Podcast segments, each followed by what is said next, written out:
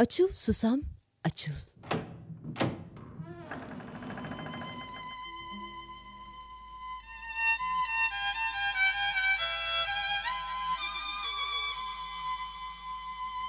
Annemin masalları.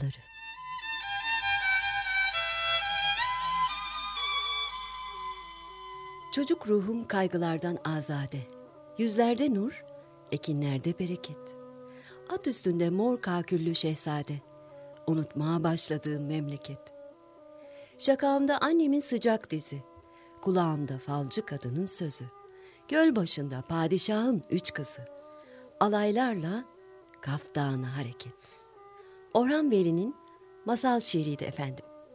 Bugün sizlere ünlü Türkolog İgnos Kunos'un 44 Türk Masalı kitabından iki kardeş masalını aktaracağım. Ama öncesinde size bu kitapla ilgili hikayemi anlatmak istiyorum. Hani demiştik ya, aradığın sensin der Hazreti Mevlana. Ben de bir gün sahaflarda dolaşırken bu kitabı buldum ve eve gelip heyecanla masalları okumaya koyuldum. Biliyor musunuz?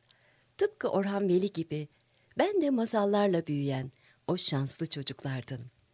Annem tanıdığım en iyi raviydi. İkinci masalı okumaya başladıktan bir süre sonra bu masalı annemden duyduğumu, bildiğimi, hatta masalın içinde geçen maninin küçük farklarla dilimden dökülüverdiğini. Sözün büyüsü diyeceksiniz. Öyle olmalı çünkü anneme sorduğumda bizim bir Hasan amcamız vardı. Bize masal anlatırdı. Ondan aklımda kaldı cevabını verdi.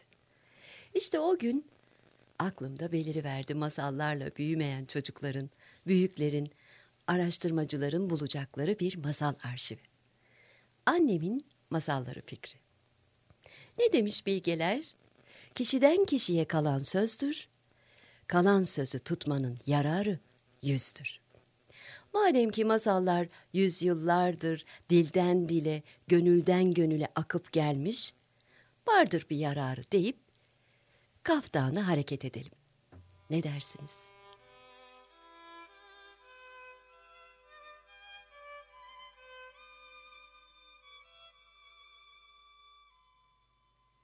İki kardeş. Bir zamanlar bir oğlu ve bir de kızı olan yaşlı bir padişah varmış. Vakti geldiğinde padişah ölmüş ve onun yerine oğlu tahta geçmiş. Çok geçmeden genç adam babasından miras kalan tüm serveti har vurup harman savurmuş. Bir gün kız kardeşine, canım kardeşim, tüm servetimizi harcadık. Eğer elimizde avucumuzda hiç paramız kalmadığını duyarlarsa kimsenin yüzüne bakamayız. O vakit çekip gitmek zorunda kalırız. İyisi mi çok geç olmadan şimdi sessizce uzaklaşalım buralardan demiş. Böylece eşyalarını toplamışlar ve gece olduğunda saraydan ayrılmışlar. Uçsuz bucaksız bir ovaya geline kadar nereye gittiklerini bilmeden yürümüşler. Sıcaktan artık neredeyse kasılıp kavrulmuş ve yorgunluğa yenik düşmek üzere oldukları sırada ufak bir gölete rastlamışlar. Erkek, kardeşim demiş kıza. Şundan içmeden bir adım daha ileriye gidemem artık. Ama kardeşim diye cevap vermiş kız. Gördüğümüzün su olup olmadığını kim bilebilir? Bunca zaman dayandık. Eminim biraz daha dayanabiliriz. O vakit belki su da buluruz. Lakin erkek kardeş karşı çıkmış. Hayır, artık daha ileriye gidemem. Yaşayacaksam içmek zorundayım. Bunun üzerine kız göletten bir içimlik alıp kardeşine getirmiş. Genç adam bundan kana kana içmiş, içmiş ve hepsini bitirdiği anda bir geyiğe dönüşü vermiş. Genç kız acı acı ağlamış ama ne yapsın? Olan olmuş artık. Yollarına devam etmişler. Yanı başında koca bir ağacın olduğu geniş bir pınara rastlayana kadar bu büyük ovada dolanıp durmuşlar. Burada durup dinlenmeye karar vermişler. Kardeşim demiş geyik, sen ağaca tırman, ben gidip yiyecek bir şeyler bulmaya çalışacağım. Genç kız kendisine söyleneni dinleyerek ağaca tırmanmış. Geyik de etrafta yiyecek bir şeyler aramaya başlamış. Çok geçmeden bir tavşan yakalamış. Kardeşi tavşanı yemek için hazırlamış. Aradan birkaç hafta geçene kadar gün be gün böyle yaşayıp gitmişler. Tesadüf bu ya. O civardaki başka bir ülkenin padişahının atları da ağacın yanındaki bu pınardan sulanırmış. Akşam olunca köleler atları getirmişler. Hayvanlar susuzluklarını giderdiği sırada suyun berrak yüzünde genç kızın yansımasını görmüş ve ürkerek geri çekilmişler. Köleler suyun kirli olabileceğini düşünmüşler. Yalağı boşaltıp tekrar doldurmuşlar. Atlar yine korkarak gerilemiş ve suyu içmeyi reddetmişler. Sonunda köleler bu garip hadiseyi padişaha anlatmışlar. Belki de su çamurludur demiş hükümdar. Hayır hükümdarım diye cevap vermiş köleler. Yalağı boşaltıp tekrar temiz suyla doldurduk. Padişah da geri dönün ve etrafa iyice bakın. Belki de yakınlarda onları korkutan bir şey vardır demiş. Bunun üzerine köleler yeniden geri dönmüş ve yaklaştıklarında ağacın tepesinde duran genç kızı fark etmişler. Derhal saraya dönüp efendilerine bu yeni haberi yetiştirmişler. Padişah hiç vakit kaybetmeden merak içinde ağacın olduğu yere gitmiş.